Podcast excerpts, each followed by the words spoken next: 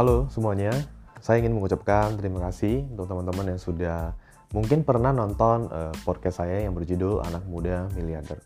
Nah, podcast itu saya sudah buat itu dari awal tahun 2019 dan kali ini akan saya lanjutkan ya di awal tahun 2020. Tapi kali ini saya akan post di uh, podcastnya Finfok ya dengan hashtag AMM ya atau Anak Muda Miliarder. Nah, ini adalah yang uh, Anak Muda Miliarder yang season 2 dan ini adalah episode pertama. Jadi teman-teman saya pengen share ini uh, kali ini mengenai sebenarnya kalau kita bicara investasi di pasar saham ya karena pertanyaan paling banyak mostly adalah mengenai investasi saham. Dan mostly juga bertanya kepada saya sebenarnya bagaimana caranya saya mulai di usia muda dan akhirnya bisa berhasil di pasar saham. Nah kalau saya mikir ulang ya saya tarik ke belakang. Saya pikir-pikir sebenarnya saya bisa berhasil di pasar saham itu sebenarnya karena faktor hoki begitu ya. Faktor hoki atau istri saya mengatakan bukan hoki lah, tapi mungkin berkat Tuhan begitu. Nah, kenapa seperti itu? Karena ketika saya mulai di usia 14 tahun, ya 14 tahun, 15 tahun saya belajar dan saya mulai invest saham, saat itu tepat di tahun 2009, ya saya belajar tahun 2009. Nah teman-teman mungkin tahu apa yang terjadi satu tahun sebelumnya, yaitu tahun 2008. Tahun 2008, kalau, kalau teman-teman belajar lebih jauh, saat itu ya sekitar 12 eh, tahun yang lalu itu ada yang namanya GFC atau Global Financial Crisis. Ya, jadi krisis keuangan global ya yang dimulai dari negara Amerika hingga efek ke semuanya dan Indonesia adalah salah satunya yang terkena efek itu. Nah, saat itu teman-teman, semua saham di Indonesia, hampir semua saham itu terjadi satu udah bukan turun ya, tapi runtuh begitu ya, terjadi satu keruntuhan. Bayangkan, perusahaan sebesar Astra International dengan kode saham ASII saat itu harga sahamnya 2.700. Dari 2.700 turun hingga 700 rupiah ya. Dari 2.700 hingga sekitar 700 rupiah. Itu Astra International gitu ya. Dan banyak semua saham lagi uh, jatuh semua. Dan saya masuk ke dalam pasar saham ketika tahun 2009 awal 2010 saat itu. Ya, saya dari proses belajar 2009, awal 2010 saya mulai uh, invest saham. Saat itu teman-teman, semua saham yang saya beli itu semuanya mengalami kenaikan yang signifikan saat itu. Kenapa kok bisa begitu ya? Karena biasanya setelah krisis terjadi itu butuh satu tahun untuk turun. Nah setelah itu kan udah turun murah-murah tuh. Basically hampir semua saham, ya mungkin 9 dari 10 yang kita beli itu bisa untung sampai berapa ratus persen. Nah ketika saya masuk, naik, saya invest, naik, invest, naik. Saya sampai kaget gitu loh wow ini kok saya bisa jago banget eh, jago, jago bener gitu ya kok jago banget. Padahal ternyata bukan gitu karena saya masuk di timing yang tepat ya. Makanya saya kasih judul di podcast kali ini adalah timing is everything ya. Timing yang tepat ya itu is everything ya. Itu walaupun kita belum terlalu banyak skill tapi kita masuk di timing yang tepat di wave yang tepat kita bisa untung besar di sana. Kalau teman-teman pernah nonton uh, uh, YouTube saya yang mengenai sebelum Warren Buffett usia 25 tahun. Ya, kalian pasti tahu bahwa Buffett itu mulai invest saham itu usia 11 tahun. Ya. Saya juga sering mengatakan bahwa kalau namanya invest saham itu makin muda, itu makin bagus ya. Semakin muda semakin bagus, semakin muda bahkan bisa semakin kaya begitu. Saya pikir ya kalau saya mungkin mulai lebih cepat lah. Saya mungkin mulai usia 11 tahun. Berarti saya usia 14 kan tahun 2009. Berarti kalau usia 11 tahun itu sekitar tahun 2006 ya. Bisa saya mulai invest saham 2006, 2007. Saya mulai masuk pasar. Tahun 2008 terjadi krisis, teman-teman. Itu mungkin saya bisa mengalami kerugian sampai 80%, ya 70 sampai 80% at least, teman-teman. Bayangkan, anak muda usia hanya 11 tahun, 12 tahun ya, terjadi kerugian sampai 70%, apakah ya akan tetap di dalam pasar? Mungkin enggak. Mungkin sudah keluar dari pasar saham. Mungkin saya akan mengatakan bahwa oh, benar ya ternyata saham itu bikin bangkrut ya. Benarnya ternyata saham itu rugiin orang gitu. Dan mungkin saya akan seumur hidup hidup dengan mengatakan bahwa atau sharing ke orang jangan pernah invest saham karena itu bisa merugikan atau bisa bikin bangkrut begitu.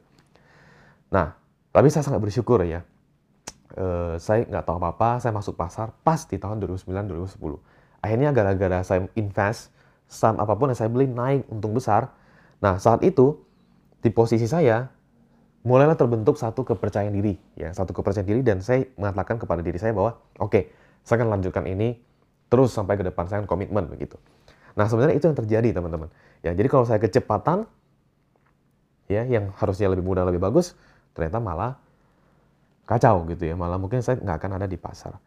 Jadi poin saya di kali ini adalah timing is everything ya. Kalau kita tahu, kalau teman-teman pelajari lebih jauh, sebenarnya krisis itu, ya krisis keuangan, itu terjadi hampir uh, sekitar 10 tahunan satu kali ya.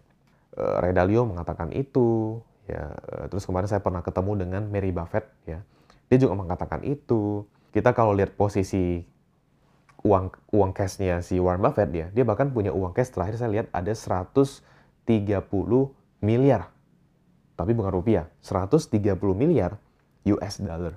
Bayangkan 130 miliar US dollar. Nah, teman-teman coba kaliin dengan 14 ribu, yaitu kira-kira berapa ya. Itu dari ribuan triliun, teman-teman. Hampir menyentuh 2000 triliun. Kok si Buffett bisa menyiapkan cash sebanyak itu? Untuk apa gitu ya? sudah tentu mungkin untuk mempersiapkan kalau misalnya krisis terjadi, ya dia bisa uh, masuk ke dalam pasar. Karena kalau misalnya krisis terjadi kan semua pasar saham jatuh dan murah meriah gitu ya. Jadi orang yang punya cash dia bisa invest ya saham-saham yang banyak sekali yang under value. Saya kasih satu contoh teman-teman. Mungkin teman-teman nggak mengerti saham. Mungkin teman-teman nggak ngerti bagaimana cara membaca laporan keuangan. Dan kalau kita bicara lagi terjadi krisis, teman-teman invest. Jujur, untuk bisa untung besar, ilmu tadi itu tidak dibutuhkan, teman-teman. Ya. Contoh, kita mulailah misalnya lihat saya krisis terjadi. Tapi teman-teman harus tahu ya, krisis itu kita nggak bisa kontrol. Ya. Jadi kalau misalnya terjadi, ya hanya ada dua opsi. Kita positif atau kita negatif. Kalau negatif, kita ngeluh aja gitu. Kita ngeluh, mungkin ratusan ribu orang di PHK begitu ya. Mungkin bisnis kita lagi susah ya, kita ngeluh. Positifnya adalah kita punya satu big opportunity, ya bisa invest ke dalam pasar saham dengan harga yang sangat murah meriah. Jadi menurut saya, Well, nggak usah terlalu fokus soal itu juga. Kita fokus dengan kerjaan kita. Kalau kita bangun bisnis, kita fokus tambahkan nilai tambah. Kalau kita kerja, kita profesional, ya kita ya kerjalah dengan sangat baik. Tapi kalau misalnya terjadi memang krisis, at least we know what to do gitu. At least we know what to invest gitu. Nah, saya akan bicara what to invest. Apa yang harus kita invest kalau krisis terjadi? Paling gampang teman-teman, ya nggak perlu pakai ilmu bisa baca laporan keuangan, teman-teman masih blank, pemula, is okay gitu ya. Karena e, memang rata-rata saham naik kalau misalnya terjadi krisis. Mulailah invest dengan produk atau jasa yang dari perusahaan besar yang teman-teman pakai misalnya. Contoh, teman-teman mungkin e, misalnya kalau tinggal di Jakarta ya, kota besar pasti sering naik tol gitu ya. Naik tol. Kalau teman-teman invest ke jasa marga di tahun 2009 ketika terjadi krisis, teman-teman cukup tahan sampai 4 tahun ya. Ini semuanya 4 tahun. Saat itu kalian bisa untung sampai sekitar 600 eh, persen ya. Jadi sekitar 500 sampai 600 persen itu untuk perusahaan jasa marga. Terus teman-teman invest, misalnya kalian menggunakan produknya BCA deh, ya kalian punya bank BCA. Nah kalian punya bank BCA atau bahkan kalian deposito di bank BCA, bahkan berarti percaya dengan bank BCA. Kalian invest di bank BCA, kalian bisa untung sekitar 400 sampai 500 persen. Dan misalnya invest ke bank Mandiri, itu bisa sekitar 680 persen. Jadi 6,8 kali lipat dalam waktu 4 tahun kan sangat-sangat lumayan begitu. Atau kalian mungkin tinggal di perumahan, let's say kalian tinggal di Tangerang, Alam Sutra, begitu. Nah, kalian invest di Alam Sutranya.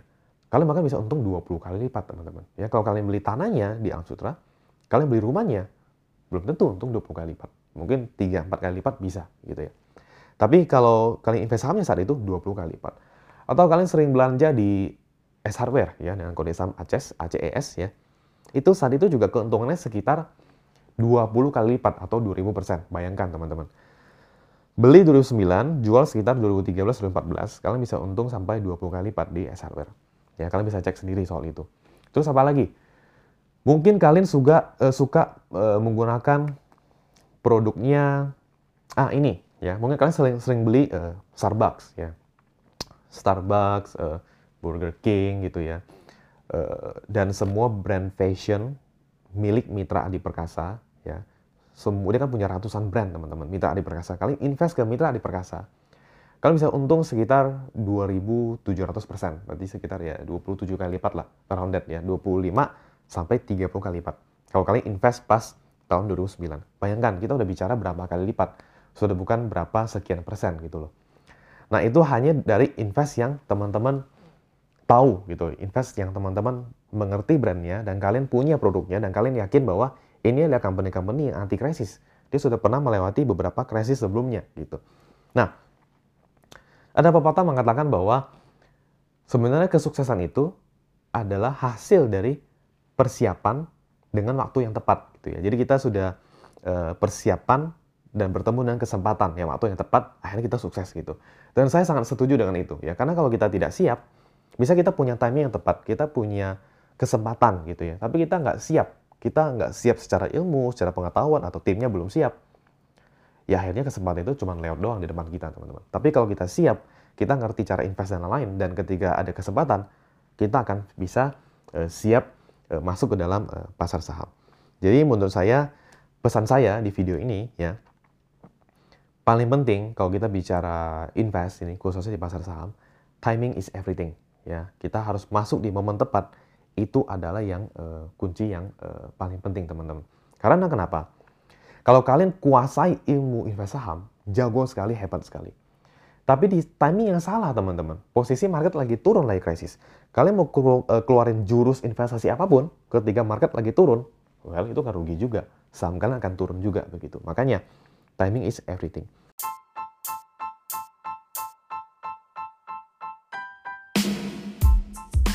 Nah, saya harap ini satu video singkat yang teman-teman bisa belajar banyak hal. Uh, at least bisa uh, apa memanfaatkan kalau misal memang terjadi, tapi kita tidak usah terlalu memusingkan itu ya, tetap fokus bisnis uh, bisnis kita dan kerjaan kita. Thank you, semoga bermanfaat, semoga kalian belajar satu hal yang cukup penting untuk bisa meningkatkan aset kalian mungkin sampai beberapa kali lipat ya. Oke, okay, thank you.